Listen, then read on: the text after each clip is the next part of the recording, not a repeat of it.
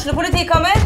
Ine Jansen er purk. Er du purk? The motherfucking bitch. Alt jeg vil, er å finne ut hva som skjedde med mannen min. Jon Carew. Er jeg sikta for noe? Iben Akeli. Det er du. Ole So, Lars Berrum og Big Daddy Karsten. Hvem sin side er du på, egentlig? Anette Hoff, Tone Danielsen, Kommer du fra Afrika? Jørnis Josef, Nesten. Kløfta. Trond Espen Seim, Det er synd å si det, men det var feil mann som døde. Purk. Premiere tirsdag på TV2 Play.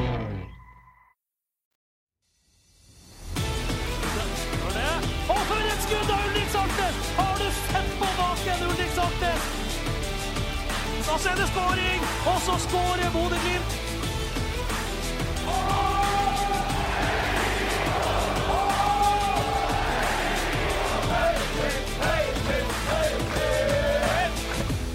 Riktig, riktig god dag og hjertelig velkommen til en ny utgave av Studio Glimt-podden. Gullet sikra, det har vi snakket masse om, men det er fortsatt masse spennende som skjer rundt Bodø-Glimt, og ikke minst eh, masse å snakke om. Det skal vi gjøre med Freddy Thoresen i dag. Velkommen. Takk skal du ha, hei hei. Og så har vi fått en uh, gjest som ikke har vært med i podden før, så vidt jeg kan uh, huske. Han har en lang karriere i norsk fotball, fra Brann til Alta. Han har vært i Sandefjord, Tønsberg, vært en tur i Danmark, og så endte han karrieren i Stabæk i 2021. Og så ble det sannelig TV 2-ekspert av han, og der eh, har du sikkert hørt han melde både høyt og lavt i podkaster og i andre format. Hjertelig velkommen, Yao Ile Amankwa. Tusen takk. God uttale der. Det, den, det varmer. Det er stort sett det jeg har øvd på navnet. Jeg får høre mye forskjellige varianter. Så en såpass solid uttale, da føler jeg at vi får en god start. Jeg har hørt så mye på dere nå at det er godt, godt brifa. Du, hvordan, eh, hvordan er det først og fremst ja, å, å være ekspert i TV 2? Du har ikke vært der så lenge ennå. Nei, det er, jeg, er, altså jeg er veldig veldig glad for å være fortsatt innenfor fotballen. For at eh, min karriere, fotballkarriere fikk jo en brå og uforventet slutt når jeg plutselig fikk prolaps i nakken. Jeg husker Siste kampen jeg spilte var mot Vålerenga på Intility. Og så var det på Følte jeg meg helt fin selv om vi tapte. Eh, og så på treningen eh, Dette var søndagen, så treningen onsdagen så smalt det i nakken. og da da viste det seg at eh, den skaden var så alvorlig at karrieren var over. Men det å kunne hoppe videre inn i ny karriere som også er norsk fotball, og der det Ukene ligner jo ganske mye på det å være spiller. Det er liksom Du bruker uken på forberedelse, så bygger det seg opp en sånn spenning inn mot helgen. Og så er du overraskende utmattet etter de spesielt de lange søndagene i studio. Og så bygger du opp igjen inn mot eh, ny kamphelg. Så, sånn sett er det jo litt likt. Min, min kone hadde jo drømt om at jeg skulle eh, pensjonere meg som fotballspiller, sånn at jeg, vi kunne ha helgene sammen, men sånn ble det jo ikke. Hvordan vil du si at den nakkeskaden preger deg i hverdagen nå? Nei, ikke så mye. Det, jeg merker det hvis jeg sitter eh, i samme stilling ofte. og Hvis jeg ikke er flink til å trene, så, så blir det ikke helt godt. Så, men utover det så skal ikke jeg klage. Eh, jeg, er ikke, jeg er nødt til å vri meg noe voldsomt når jeg skal rygge med bilen. Men Heldigvis så er det ryggekamera og teknologi, så, så vi får se hvordan det blir når jeg blir eldre. Men akkurat her og nå så er ikke det noe jeg ikke klarer å holde i sjakk. Verden går fremover på teknologien, heldigvis. Fortell kort hvordan var veien inn i TV 2, da? Jeg sier jeg var faktisk eh, litt tilfeldig. for det at um, Jeg um, studerte idrettspsykologi på NIH. Og så tok jeg eh, initiativ uh, sjøl uh, om å komme i kontakt med en professor der som heter Geir Jorde. Som er en av verdens fremste uh, innenfor feltet fotball og idrettspsykologi. Så tok jeg kontakt med han, og så ble den kontakten etter hvert eh, mer og mer såpass at vi hadde og har et prosjekt sammen der vi forsker på kroppsspråk hos fotballspillere. Um, og, og det var det er fortsatt òg utrolig interessant. Men i hvert fall så for å kunne forske på kroppsspråk for fotballspillere, så trenger du også se på spillerne hele tiden eh, når de er på banen. Eh, Og den kameravinkelen som alle sitter hjemme i sofaen og ser på TV, den funker bare delvis til vårt bruk. Fordi at uh, ofte er jo treneren i fokus, en enkeltspiller i fokus, det er reprise, det filmes på tribunen. sånn at da kan jo den spilleren utvise masse kroppsspråk som vi ikke får med oss. I hvert fall, lang historie kort. Vi forsket på Premier League-klubber, og spesielt på Chelsea. Og så tok jeg kontakt med TV 2 for å få tak i noe av det videomateriellet som heter Tactical View hos de. Det hjalp oss veldig, og han sjefen der, Eistein, han hjalp oss å få tak i den, den videokilden. Så, men så sa han på en betingelse da skal du komme eh, en gang i studio i fremtiden og legge frem det dere finner. Og så sa jeg ja, ja, greit. Og så gikk det både måneder og dager og uker. Og så eh, ville han at jeg skulle komme eh, Chelsea, Porto, Champions League i, studio. Eh, og så var det litt sånn covid og litt frem og tilbake. Men da presenterte jeg litt av det vi hadde funnet via skjerm. Og så må det ha vært at de likte den måten jeg formulerte meg på, eller og, likte det la fram, og da var kontakten etablert, og så ble det mer og mer. Så det var en lang historie om hvordan jeg kom inn i TV 2. Og nå er vi jo, som jeg nevnte, vant til å se deg sitte og, og melde og analysere på flere flater, både i podkast og, og, på TV. og Litt på tekst òg, hvis jeg husker rett. Men kan du fortelle, sånn, du trenger ikke gå i detalj på hva som står i kontrakten din, men, men hva, er måte, hva, er jobben din, hva er dine oppgaver?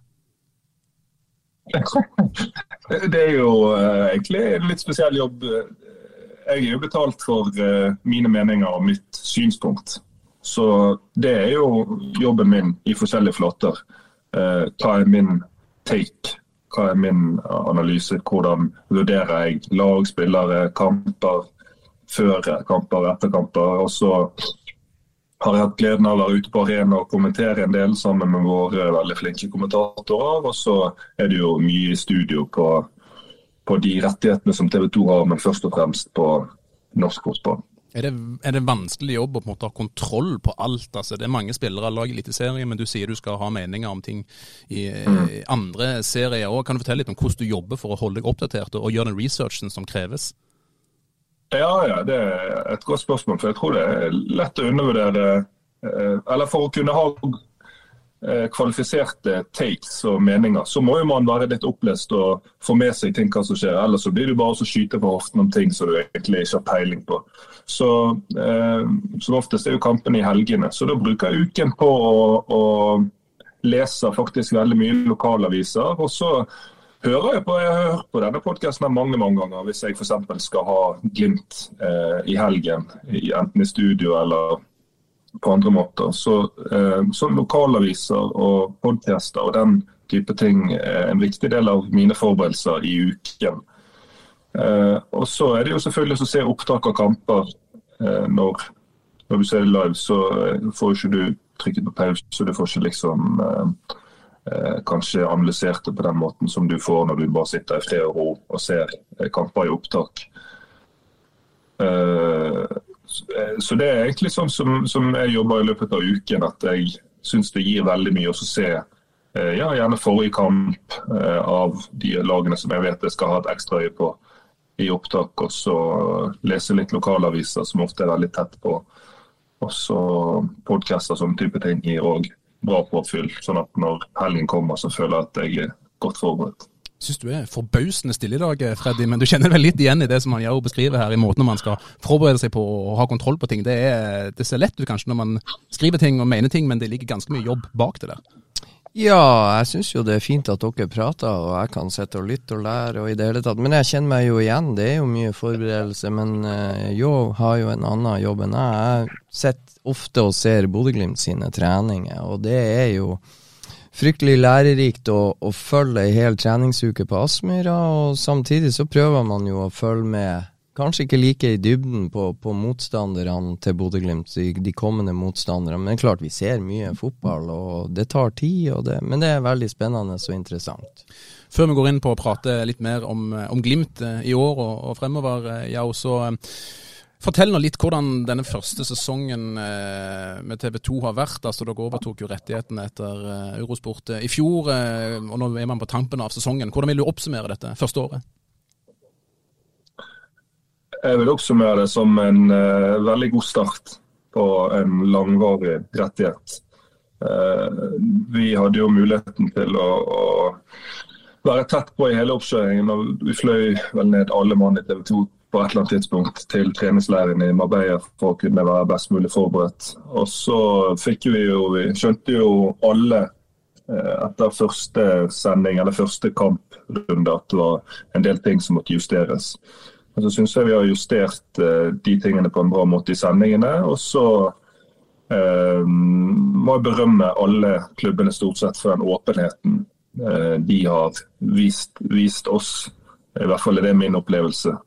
Og fordi at når vi, skal, når vi snakker om norsk fotball, så, det, så kan vi tenke liksom, hvor er det norsk fotball kan konkurrere, f.eks. sammenlignet med, med, Premier League eller andre internasjonale ligaer. Så er det jo større Haaland er jo en større stjerne enn eh, Fares Mombania eller Pellegrino. og Det er mer penger i andre ligaer, men den nærheten og den åpenheten, det er jo et av de store konkurransefortrinnene som Eliteserien og norsk fotball har. Eh, at når supporter sier vi, så er det faktisk vi i langt større grad enn når en Liverpool eller United-supporter sier vi. Det er jo liksom, du, er inne, så, så, ja. du, inne på det sjøl òg. Eh, det, eh, det, kom litt kritikk mot dere, spesielt i begynnelsen av sesongen, men det har vært litt eh, ting etter hvert òg. Og det er jo selvfølgelig ikke du som er ansvarlig for, for alt det her, men nå er nå en TV 2-representant til stede her hos oss. Dette med at kamper f.eks. de vises, og så brytes måte, sendingen av rett etterpå fordi man skal rekke en ny kamp eller en annen sending på TV 2 eller et eller annet sånt. Får dere mye kritikk for det, eller hvordan er det? Eh, jeg tror den kritikken som går på eh, eh, de tingene der altså Kamptidspunktene er veldig eller sånn som jeg har forstått det, så er kamptidspunktene og kamphelgen den er veldig i tråd med hva klubbene sjøl ønsker. Og så er det sikkert en del som er vant med å se Premier League på TV 2 fra tidligere, men der er det jo kamphelgen litt annerledes. Sånn at ja, man har litt mer tid kanskje til hver enkelt kamp. Men det som er, at når det er f.eks. en runde klokken uh, fem, og så hovedkamp kvart over syv, så er det, det, det, å sende en fotballkamp Jeg trodde jo før jeg begynte å jobbe, jobbe i TV 2 at det bare å trykke på play på skjerm 1, og så går det en kamp der, og så trykker vi på play på skjerm 2, så går det en annen kamp der. Men det sitter eh, 10-15 pers på bakrommet for å kunne eh, alt hva de gjør. Det, det har ikke jeg forstått ennå, men de, de, sitter, og det er krevende.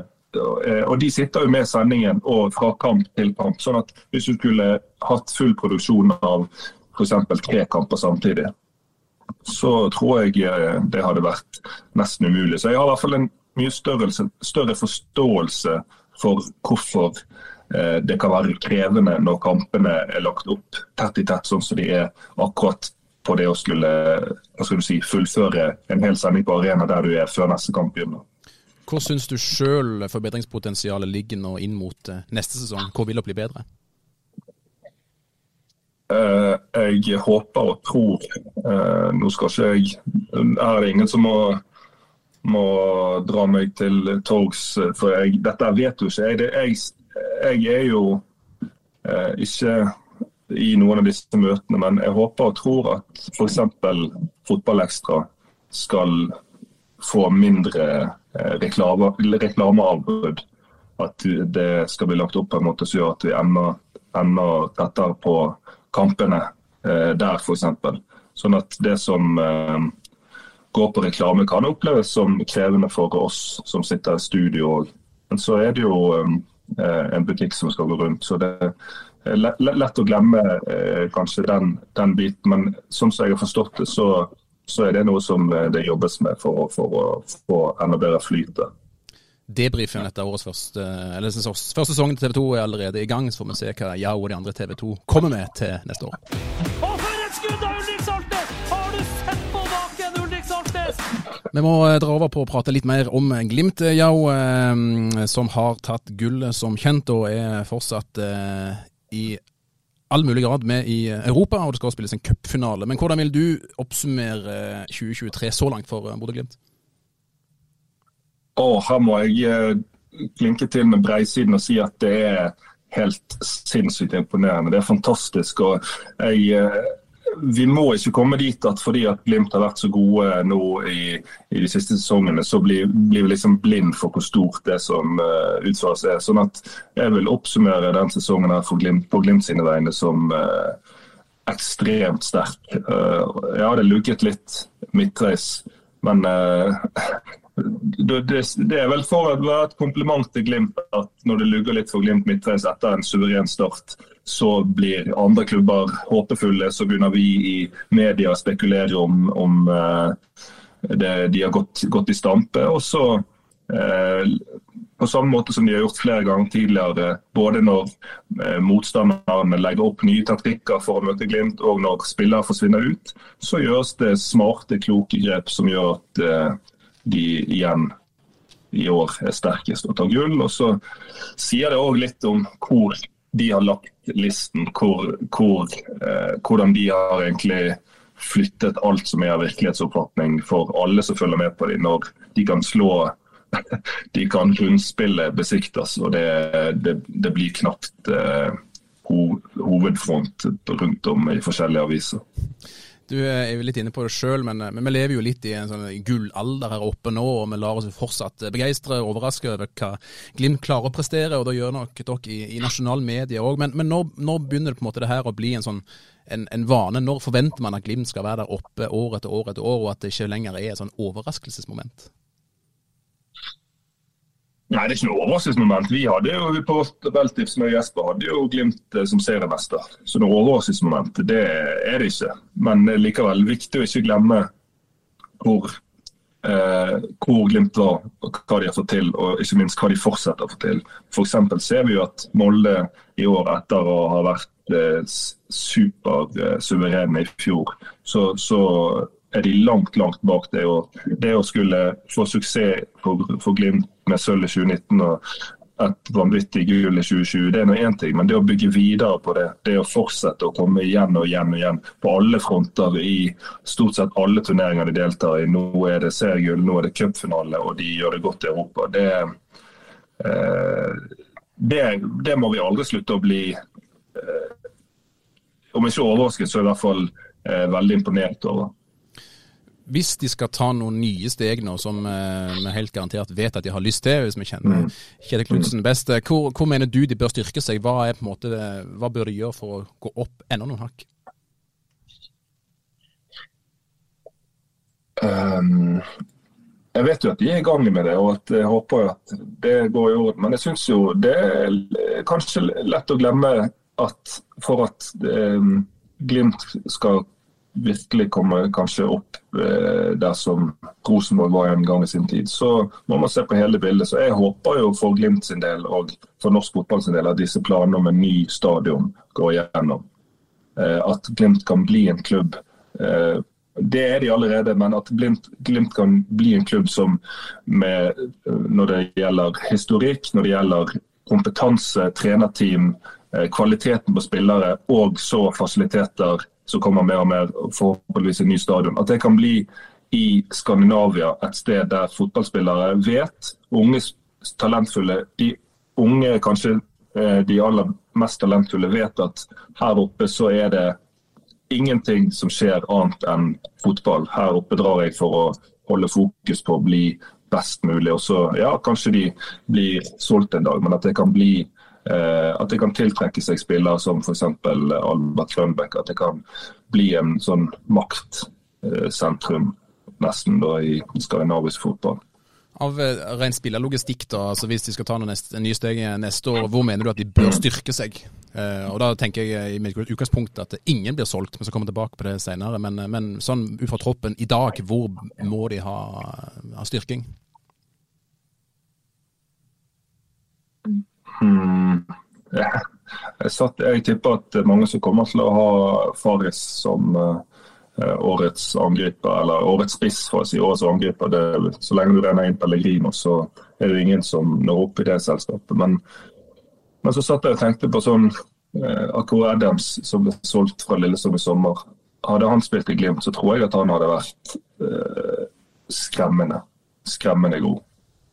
så jeg, jeg eh, beundrer av Faris Mombani og syns han har hatt en fin sesong. og Jeg har likt, likte han så potensialet eh, sammen med flere enn han var i KBK. Men eh, jeg, tror, jeg, tror, det også spille spiss eh, i, i, Glimt Ja, det kan være krevende. Du er ikke alltid så mye involvert. Men eh, jeg tror eh, jeg er, jeg er spent på å se om han blir solgt, eller om han kan utvikle seg videre. Nå vet jeg at det er en Kasper Høeg på vei inn. Og så syns jeg det har vært spennende å se om Glimt kunne dunke til. Si hvis Vålerenga rykker ned nå, og, og, og, om en spiller som André Ilic kunne vært på radaren til Bodø-Glimt òg. Men um, utover det så syns jeg det er vanskelig å si. Ja, du kunne kanskje snakket litt om uh, høyre kant, men der er det spennende spillere som hvis du henter inn en eller annen kanon, så setter de veldig langt uh, tilbake igjen. Kanskje det går an å snakke om eh, høyere indre løperposisjon, men jeg har jo troen på at Gulliksen, som eh, på mange måter som mange spiller som har kommet til Glimt, til og med Hugo Vetlesen, trenger og er tiltenkt litt tid før han finner seg ordentlig til rette. Men jeg tror han kan være fantastisk der. Jeg tror Skjær, som er på utlån til Sandefjord, snakker de veldig varmt om Sandefjord. Jeg snakker med Hugo innimellom, og han, han tror at han kan få et skikkelig gjennombrudd til eh, neste år. Så får vi se om, om hvor, i hvilken grad eh, og hvor lenge Brede Mo eh, holder, holder oppe koket. Der er jo Bjørtuft synes jeg blitt et soleklart førstevalg. Og så er jeg spent på Helst Amundsen, om han kan få enda flere muligheter etter hvert. Så jeg syns det er vanskelig å si her må de, her må de forsterke. Du nevnte det sjøl, jeg tenkte jeg skulle utfordre deg litt på det òg. Ehm, ja. Det er ikke bare bare det å være spiss i Glimt. Det finnes jo et eksempel fra inntil nylig med, med Salvesen, som ble henta for et mm. betydelig beløp til, til Aspmyra. Men vi kan vel slå fast at han ikke fikk det helt til. Men så drar han til Viking, der det åpenbart er litt mer flyt. Hva er det som gjør at Knutsen og co. ikke får mer ut av han, tror du? Av Salvesen? Mm. Det tror jeg går på at han eh, ikke har sine største styrker i det relasjonelle. Jeg synes, eh, Hvis du sammenligner f.eks. Salvesen og, og, Erik Botheim som Salvesen har mange styrker som Botheim ikke har, men jeg syns Botheim feilvendt i et kombinasjonsspill eh, er tydelig bedre. Så jeg tror det at Salvesen ikke lykkes så godt der, går på det relasjonelle. Og så tror jeg spiss i Bodø-Glimt må være veldig veldig tålmodig. for når, når det går en liten stund mellom hver gang du kanskje er så mye involvert, så må ha, evnen, må du ha en vanvittig god evne til å være konsentrert og påskrudd de gangene du er i aksjon. Uh, så det er mine umiddelbare tanker på det de treffer ofte veldig godt Glimt når de henter spillere. Det er jo mange bevis på det, men de treffer som nevnt ikke helt uh, alltid så godt uh, heller. Et annet eksempel på det, uh, vi har vel ikke sett Runar Espejord i full blomst ennå. vi vet jo hva historikk han hadde. Men hva, hva er dine refleksjoner rundt det, og hans skadehistorikk? Hva er det som får Glimt til å tro at de skal få skikk på den kroppen hans, og at han skal levere på det den spiser Glimt skal levere på? akkurat hva hva som, eller hvorfor de tror at de skulle få skikk på hans kropp, og sånn, det, det, vet jeg ikke. Det, det, må du spørre de om. Men jeg tror med den intensiteten som de trener på, og så, en så krevende treningshverdag, hvis du har en kropp som er veldig skadeutsatt og sårbar for skader, det hadde jeg sjøl òg. Jeg tror at jeg hadde sikkert vart en halv uke eh, i treningsregimet der oppe så eh, har jeg, jeg må innrømme at jeg har vanskelig for å se for meg at uh, Rune Espejord plutselig skal dunke inn 25 kamper, eh, eliteseriekamper på en sesong for eh, Bodø-Glimt. Er det bomkjøp? Jeg syns at han er en god spiss og en, kan være en veldig god backup-spiss. Men all den tid jeg ikke har tro på at han, kroppen holder en hel sesong, så så med mindre han var tiltenkt å være en backup-spiss, så vil jeg si at det er et bomkjøp. Mm. Eh, det er ingen tvil om at det kommer til å forsvinne spillere fra Glimt dette vinduet som kommer nå i vinter. Eh, hvis du skulle spå, hvem tror du forsvinner? Uh, jeg tror uh, jeg tror, hvis jeg skal, Dette er bare min take, og det kan være at jeg tar helt feil. Men jeg tror Faris Mombania forsvinner fordi han, han, har vist nok til å gjøre seg interessant for utenlandske klubber, samtidig som han er en spiller jeg tror Glimt føler seg trygge på at de kan erstatte. Mens der er mange sikkert vil tenke at uh, Grønberg kan forsvinne i det sekundet overgangsvinduet åpner. Så er det jo nå med seriegull, så er jo Glimt, Glimt tilbake i Champions League kvalikposisjon. Og da tror jeg vil sitte, inne, sitte veldig langt inne og selge en spiller som er så ekstremt god, som er Eliteseriens beste spiller, etter mitt syn. Eh, jeg tror det må, og jeg håper at det må komme noe helt spesielt på banen for at de selger han. De, dere vet jo akkurat som meg at eh, den Champions League-drømmen det er vel Kjetil Knutsen sitt siste store eh, mål. Eh, og, og, det er det jo for Glimt òg. Og, og, da eh, så vi når de solgte Boniface rett før eh, de skulle inn i de avgjørende kampene sist, så sitter man nå flere år senere og, tenker hva hvis de hadde klart å holde på han, i hvert fall ut den høsten. Så men jeg, ser jo for meg at de to spillerne spesielt er de som er mest aktuelle. Og så er det jo disse her som har, eh, har vært ute og kommet tilbake igjen med Berg og Bjørkan, som eh, er så gode òg at jeg syns det ville være rart om de ikke skulle være interesse for dem. Men de, de, er vel kanskje enda mer motivert for å bli i Glimt. Enn du Freddy, hvem spår du forsvinner ut av eh, stadionportene på Aspmyra i vinter?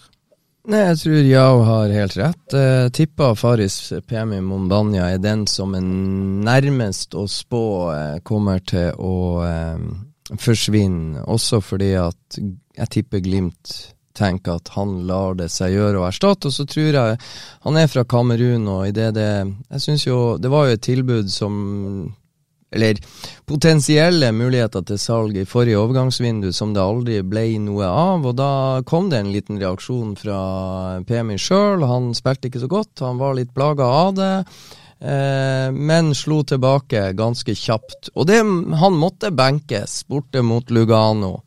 Eh, for han hadde hatt et par svake kamper på rad, og Runar Espejord fikk start. Det varte i 25 minutter, han ble skada, og etter det har Faris Pemi vært veldig god igjen. Eh, så tror jeg Albert Grønbæk fortsatt føler at han kan ta eh, steg i Bodø-Glimt i et system. Det er en grunn til at han kom til Bodø. Han får spille på en måte i et system, han får tillit, og han utvikler seg kontinuerlig. Det tror jeg Albert Grønbæk er klar over, det tror jeg teamet rundt han er klar over. Så i utgangspunktet tror jeg ikke Albert har det like travelt som jeg mistenker at Faris har. For Albert vet at han kan utvikle seg videre, også med en, en 2024-sesong hvor jeg tror Bodø-Glimt kommer til å være enda bedre eh, enn de var, har vært i 2023. Fordi at de brikkene de har, Sorry, nå tar jeg litt tid, ja, men du får bare arrestere meg. Nei, nei, nei, jeg er veldig interessant å høre på. Kjør på. det var fascinerende å komme på trening tirsdag, for da, da ser jeg noen og tyve spillere. Jeg noterer jo navnene på spillere som er på trening, og det er ganske god gruppe der. Trenerteamet til Bodø-Glimt har å jobbe med. Da vet vi at det er åtte spillere som er på landslagsoppdrag, som ikke er til stede. Og jeg kunne satt opp to ganske OK elvere basert på det jeg ser eh, på tirsdagstreninga. Så de har steike mye skyts, og du, du, utfordrer hvor skal de styrke seg.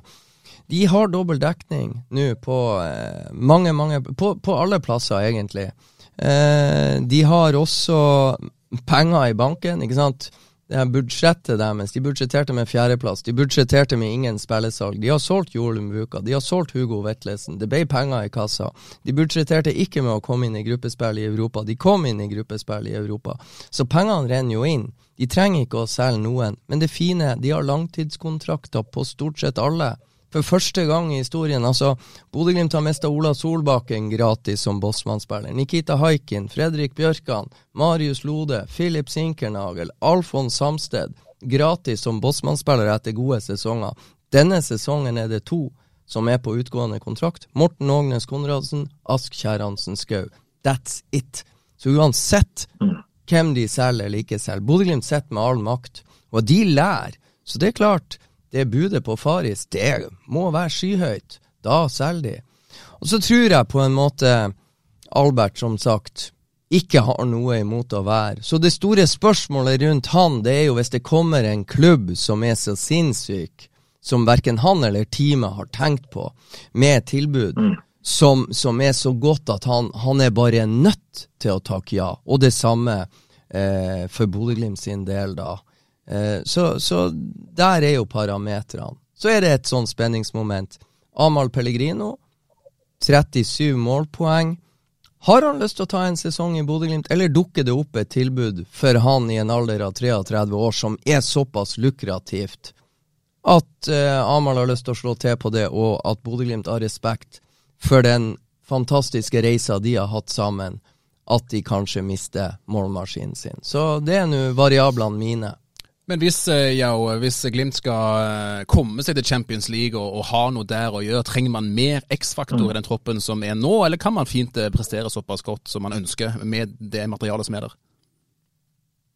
Det som er litt sånn som Freddy er inne på her, er at de er i noen posisjon der de har dobbeltdekning og de har kvalitet over hele linjen. sånn at og det, Styrken det gir, er at enhver spiller de skal hente, det må jo være en spiller som enten er ung og spennende, som de ikke skal gå rett inn, eller hvis det er en spiller vil jeg si egentlig over 22, så må det være en spiller som er på et så skyhøyt nivå at han går, eh, kan gå rett inn i, inn i laget og levere. Og de, Med det nivået som Glimt holder, så finner ikke du mange av de spillerne i, i Skandinavia i dag. Så det er jo en drømmesituasjon å være i.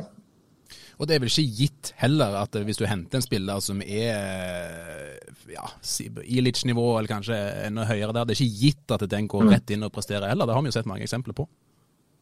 Ja, det er overhodet ikke gitt. og Eh, det er egentlig sånn et, glemt og forbigått lite kapittel. Men også Marius Lode, som eh, Glimt straks er langt for å eh, hente tilbake igjen, og som eh, var ønsket av Molde, var fantastisk eh, god før han dro ut. Men når, han, når de nå har en tropp der han plutselig ikke engang er i kamptroppen, sitter hjemme i sofaen så er det jo nesten helt utrolig om du skulle sagt det var for eh, et år siden.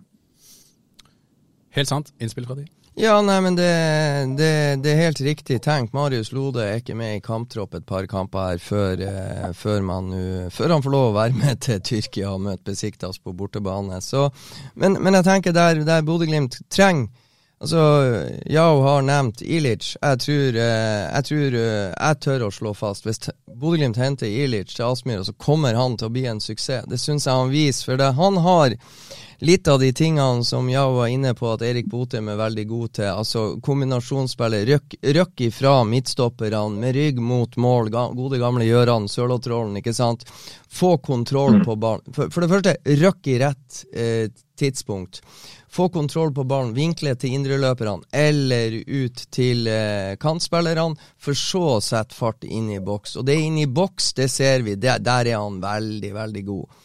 Eh, og I tillegg så syns jeg, jeg ser ja, at han, han, er veldig bra og lojal i måten man ønsker å få han til å bidra i presspillet. Ja, altså han, Jeg tror han hadde vært en helt sånn brutal suksess. Nå skal ikke jeg hype, hype han for mye. Han er ikke, jeg vet ikke om han i helt tatt er på radaren til Glimt. Men jeg skulle gjerne sett at dere på denne podkasten gikk inn på Twitter historikken og fant noen av de som lo seg i hjel og, og, og, og pisset på Glimt når de hentet Albert Grønbæk en eh, relativt nobody for de fleste i Norge, i hvert fall for 30-35 millioner enn en hva det var å si. Nå har Glimt mistet det, nå har de eh, gått helt fra hektene, nå har de blitt stormannsgale. Men la oss si om Glimt hadde hentet eh, André Ilitz for 40 millioner kroner. Eh, og, og, fordi at de hadde en skreddersydd rolle til han. Så er det det eh, nivået de er på nå.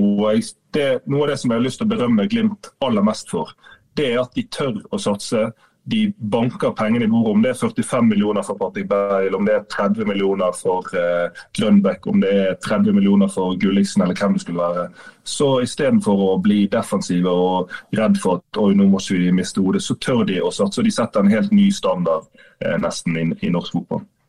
Ja, og så har du eh, tilbake til ikke sant, Ilic kan vi drømme om. Og så tenker jeg på venstre kant, så har vi Amahl Pellegrino i, i troppen allerede. Ja, fortsatt, han har kontrakt ut 2024. Men det er klart, det hadde gått an å hente Danilo Al-Zaid, f.eks. fra Sandefjord, for å gi Pellegrino-konkurranse, hvis han blir, og, og, på en måte the next in line, sånn som de hadde i sin tid med Amola Jone, ikke sant. Han var Jens Petter, sto, i, sto og måtte vente på tur, og når Amo øh, forsvant, så var det Jens Petters sin tur, og når Jens Petter forsvant, så var det Ola Solbakken sin tur, selv om Ola slo ut i full blomst etter at han ble flytta på høyre ving. Og Det er jo lov, det er jo eh, akseptabelt. Det viktigste er at du slår til. Jeg syns han var helt ok som venstre ving også. Men, men, der går det an å ha mer konkurranse. Og så tror jeg man allerede har en potensiell konkurrent der i eh, Daniel Bassi. Jeg er usikker på om det er høyre eller venstre ving som kler han best. Og på høyrevingen så snakker vi om Sondre Sørli, Nino Sugelli, som kommer til å Altså, Sondre Sørli har vært ei fantastisk. en av høstens spillere etter at han kom tilbake fra, fra, skade. Og vært med og bidratt i en periode her når, når alle trodde at Glimt-toget skulle spore av. Så har de altså rada opp ti seire på elleve kamper.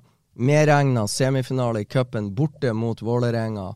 Syv seire i serien, to seire på rad mot Besiktas. De har ett tap, det var hjemme mot Klubb Brygge. Så de har jo gitt svar på tiltale med det de har. Så, så tenker jeg at kanskje Hvis Patrick Berg skulle bli skada sentral midtbane, hva gjør man da? For Patrick Berg eh, er jo limet som binder sammen offensivt, defensivt. Der har de kanskje ikke den skreddersydde erstatteren, men de har en Ulrik Saltnes som kan gå inn og ta den rollen og gjøre den til sin.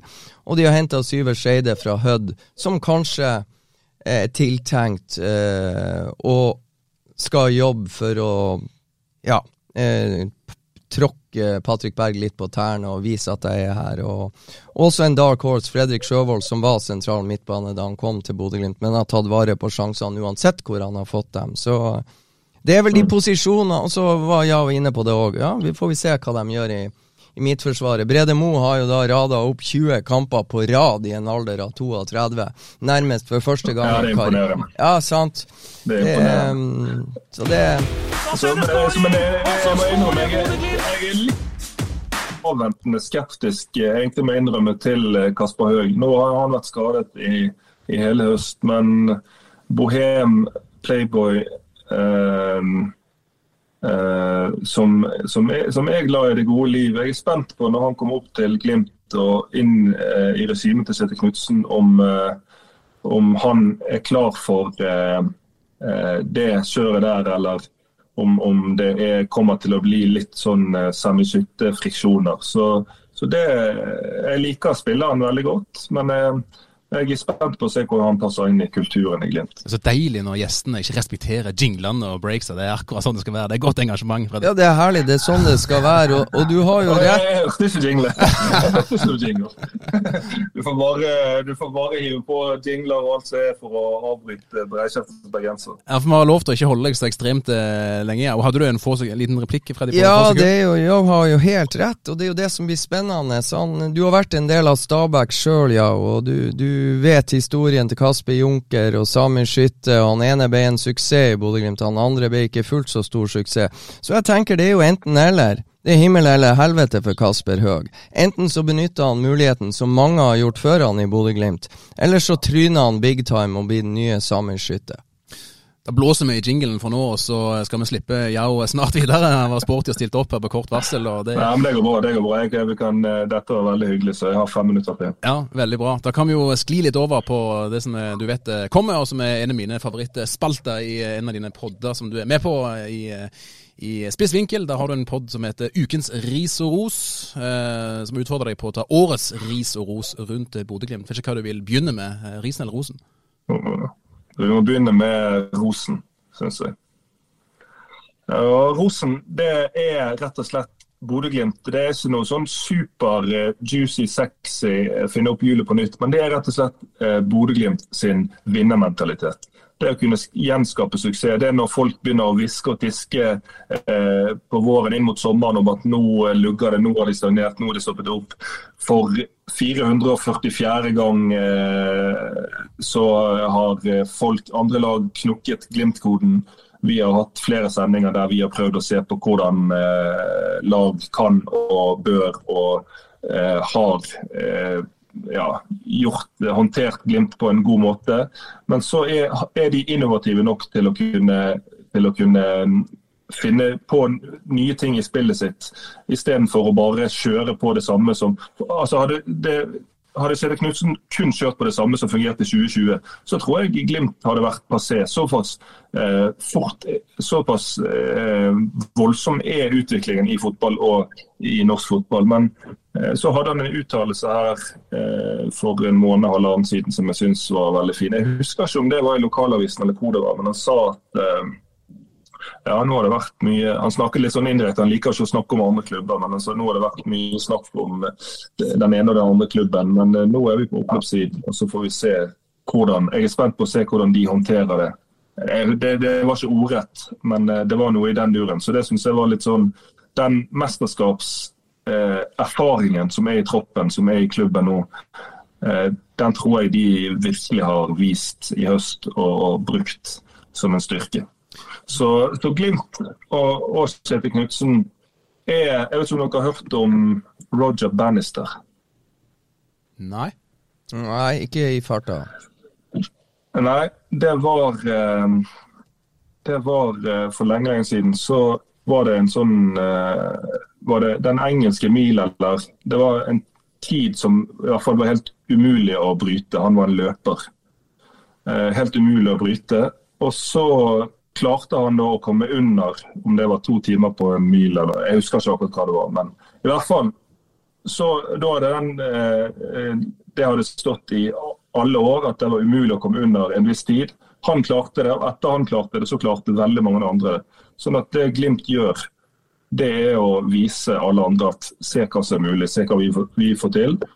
Og det er, er jo andre trenere, om det er Hornland eller om det er Morten Jensen og Bjarte Lund Aasheim i Viking, er andre åpne om at det blir de veldig inspirert av. Før du tar, før du tar risen, ja, så må jeg bare ta en liten digresjon ja. og lansere noe som kanskje er fullstendig uh, ute der. Men vi vet at Ståle Solbakken skal gi seg etter hvert på landslaget. Hvor aktuell er Kjetil Knutsen der, tror du, Jau? Uh, jeg tror ikke nødvendigvis han er så aktuell. Jeg vet ikke om eh, altså, for, for, meg så virker han som en klubbtrener som, som blomstrer, som trives best med å kunne jobbe på feltet nesten hver eneste dag. Og kunne gjøre justeringer og kunne hente akkurat de typene han ønsker.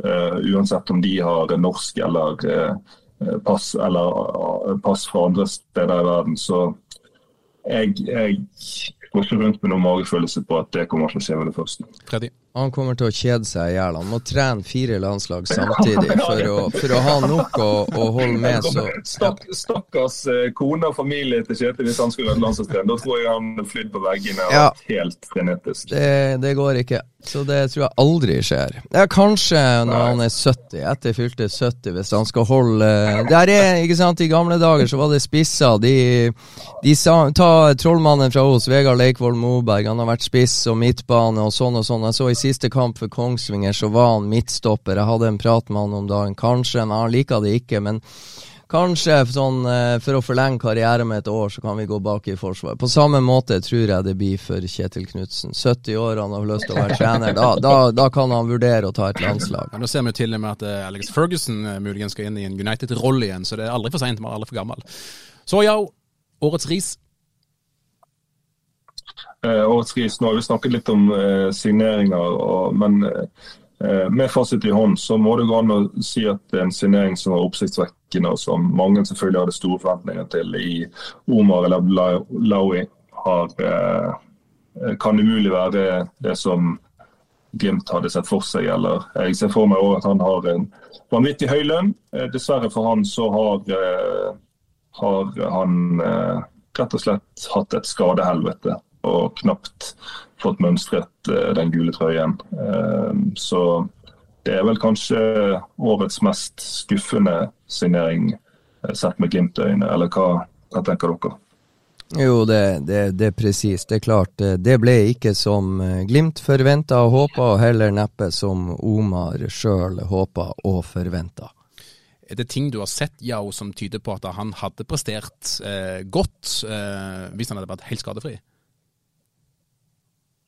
Nei, jeg vet ikke, men jeg hørte jo noe eh, som gikk på at han ble pushet ekstremt hardt eh, når han kom, eh, og at han ikke nødvendigvis var i en form der det var det klokeste.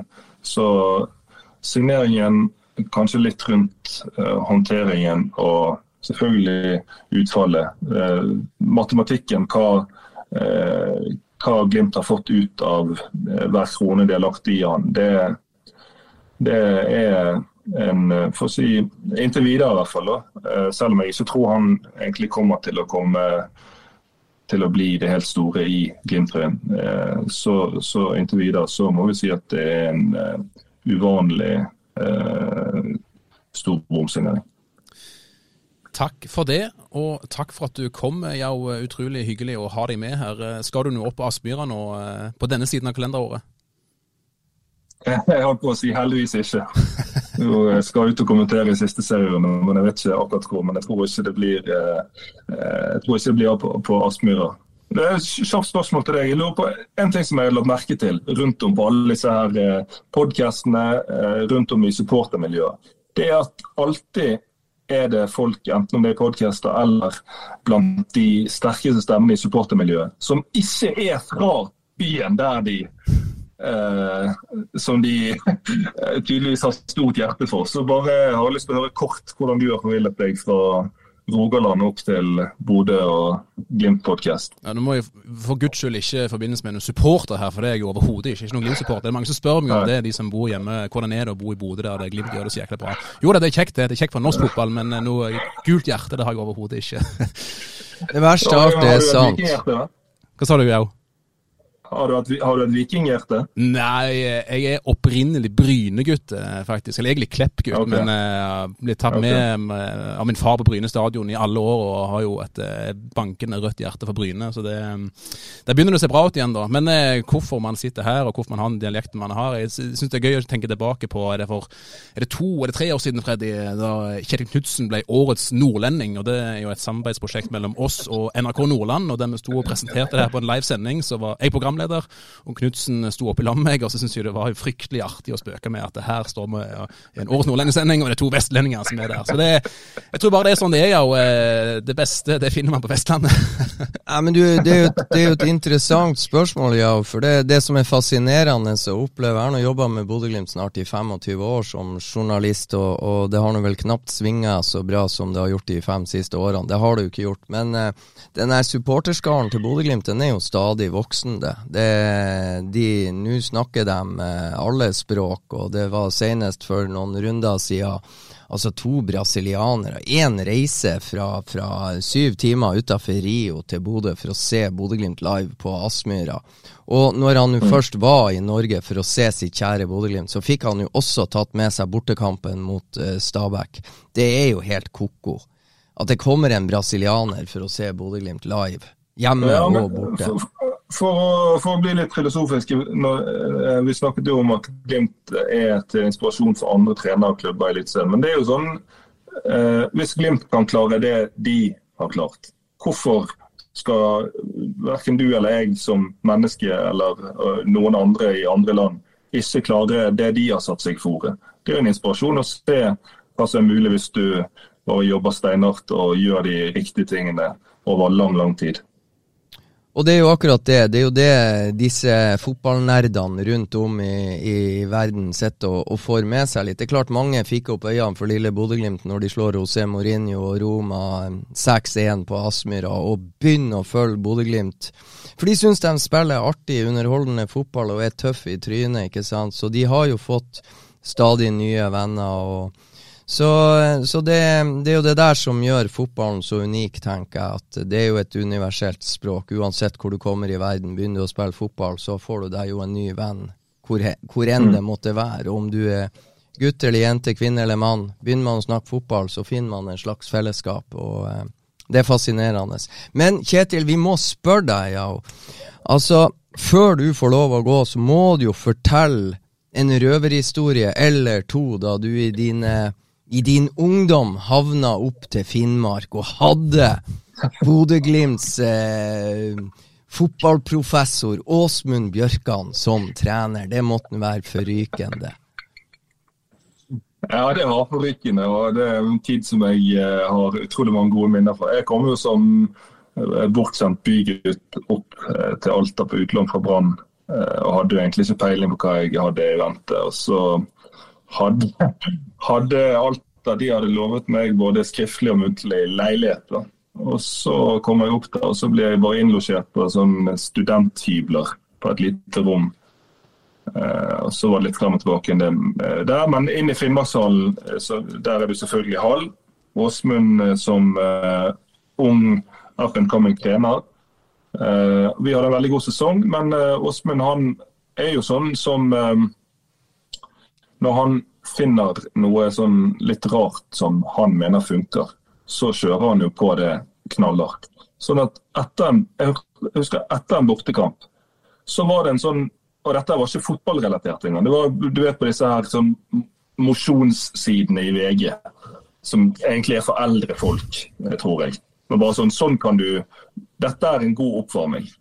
I hvert fall så Restitusjonsøkt etter en kamp på en gressplen utenfor et hotell. Der hadde Åsmund altså funnet en sånn oppvarmingsgreie i VG som han kjørte der. Syns den var så god og at det var så gøy at den kjørte vi som oppvarming til alle treninger resten av året. Og etter hvert så begynte vi å kjøre det som oppvarming til kamp og VG-oppvarmingen. Det er jo fantastisk. Og Hva besto oppvarmingen av? Hvordan var den? det var sånn som du skulle tro at en oppvarming du har funnet på midtsiden i VG er. Det var litt sånn eh, hopp og tøy og bøy og litt sidelengs og litt klapp og Så, så hvis, du, hvis, du, spør Åsmund om han praktiserer VG-oppvarmingen enten, så tipper jeg at han eh, kommer til å skjønne hva du snakker om. En annen ting jeg syns er litt artig. Du hadde jo en lagkamerat i Alta da du plutselig havna på hybel der oppe og var i Finnmarkshallen. Han heter Christian Gauseth. Han prøvde seg hos den forrige rettighetshaveren, så eh, Jeg vet ikke hvordan var han å ha på lag? Nei, han kom inn året etter jeg dro. Å, oh, han kom etterpå. Han kom inn året etter, ja. ja. Så han, han, var der året etter jeg var. Så det var det, det, var det, først, det, var det, det var det første året det var suksess for Åsmund i Alta, altså? ja, stemmer. Stemmer. Nei, det er bra. Ja. Nei, det er jo eh, kan faktisk, jeg faktisk, eh, Da har jeg spilt mer med Gauseth enn det jeg har. Gauseth var en liten periode i Bryne da jeg var der. Så det er en mm, trivelig fyr å ha med. Ja, ja, ja. ja, det er godt. Veldig bra. Ja, men Da eh, tenker jeg at du skal få lov å slippe av sted. Det har vært en sann glede å ha deg med, og vi ser fram til å få deg på besøk på eh, Aspmyra neste år, og ikke minst se deg melde enda mer eh, i alle TV 2 sine flater. Ja, tusen takk for det. Det var en glede å være med. Jeg følte jeg skyldte dere det etter jeg har eh, sniklyttet og tilegnet meg masse god informasjon fra poden i løpet av sesongen nå, så det skulle bare mangle. Og så har vel dere, òg lånt til Freddy en periode i deres pod, så da var det vår tur å låne en fra deres pod. Ja, stemmer, stemmer. Veldig bra. Takk skal du ha, Yao. Ha en riktig god dag videre. Ok, Hei. ha det. Ja, Freddy, det var Yao eh, i TV 2. Det, eh, hvordan syns du har klart seg? Ja, han klarte seg jo. Han er jo en av de Han er en eh, veldig interessant fyr. For han Du spurte han om om eh, hvordan han kom seg inn i TV 2. Og jeg tror at jeg så en av de sendingene eh, som Yao ble, eh, ble testa ut. Og, og, han har en litt større dybde enn mange andre eksperter. Og det går jo på den bakgrunnen, altså hva han har forska på i forkant. Altså Han er litt opptatt av kroppsspråk og holdninger og det mentale biten. Og en av grunnene, vi kom ikke inn på det i denne poden, men det er klart, Bodø-Glimt er kommet langt frem eh, i, i, i, sin måte å jobbe mentalt, ikke sant, med, med Bjørn Mannsverk og Håvard Sakariassen i spissen. og de har, de har prøvd og feila og testa ut og funnet sin form og er stadig nysgjerrig på nye ting. Og det her skjedde jo samtidig. Det her begynte Glimt å bli god samtidig som jeg eh, så Yao Amankwa for første gang på TV, så jeg skjønner jo godt at eh, TV 2 ville nappe fatt i han, for han har en litt annen dybde i, eh, i en del av synene og tilnærminga til ting. Så jeg er ikke overraska over det han leverer her. Det er veldig bra. Vi skal straks runde av med og Freddy, med mindre du har noe mer å legge til? Ja, du må jo spørre litt om siste nytt fra trening og det som har skjedd. det er jo brannkamp på, på søndag, som vi vet. Det er ikke noe tøv, det er jo Kalvenes versus Kalvenes, ikke sant? Ja, det er helt rått. Vi har jo sett at det har vært litt eh, sykdom i Glimt-leiren, som eh, kollega Stian Høgland skrev om i helga. Jeg vet ikke hvordan det, hvordan det går der. Er det noen friskmelding i sikte? Ja, det vil jeg si. Bris Wembangomo var på trening, eh, har vært på trening denne uka. Og eh, Albert Grønbæk har vært på trening denne uka. Og Daniel Bassi har det samme. Det var vel de tre som har slitt litt med sykdom. Sondre Fet var litt sånn småsyk etter feiring, men han syns ikke det gjorde så mye, for Glimt hadde nå fri når han var syk. Så han har også vært på trening, og eh, det ser eh, rimelig bra ut. Jeg var og så på trening før. Det var to 23 stykk utpå der. Mats Pedersen er kommet tilbake fra utlån. Han har for øvrig en liten ørebetennelse nå, men han er jo ikke aktuell for spill. Eh, Lukas Kuber er tilbake fra Moss, så eh, det ser veldig bra ut. Og de treningene jeg har sett, var uten åtte landslagsspillere som fortsatt eh, ikke var kommet på plass. Og de, de seiler vel inn nå i tur og orden, tenker jeg. Så eh, nei da, Glimt har eh, mange spillere. De har eh, friske spillere. Og Julian Faye Lund eh, er med på alle treningene og er klar til å ta overta hanskene etter Nikita Haikin, som snart skal til Tyskland og opereres. Så Glimt har eh, kontroll på rikets tilstand, tror jeg, tror jeg, før de fem siste kampene for sesongen står for tur. Det får være siste ordet i denne podden. Hjertelig takk Freddy for at du òg kom, og takk kjære lyttere for at dere fortsatt hører på oss. Vi er tilbake med en ny pod før dere aner det. Ha en riktig god dag. Og for et skudd av Ulrik Saltnes! Har du sett baken, Ulrik Saltnes? Da er det skåring, og så skårer Bodø-Glimt.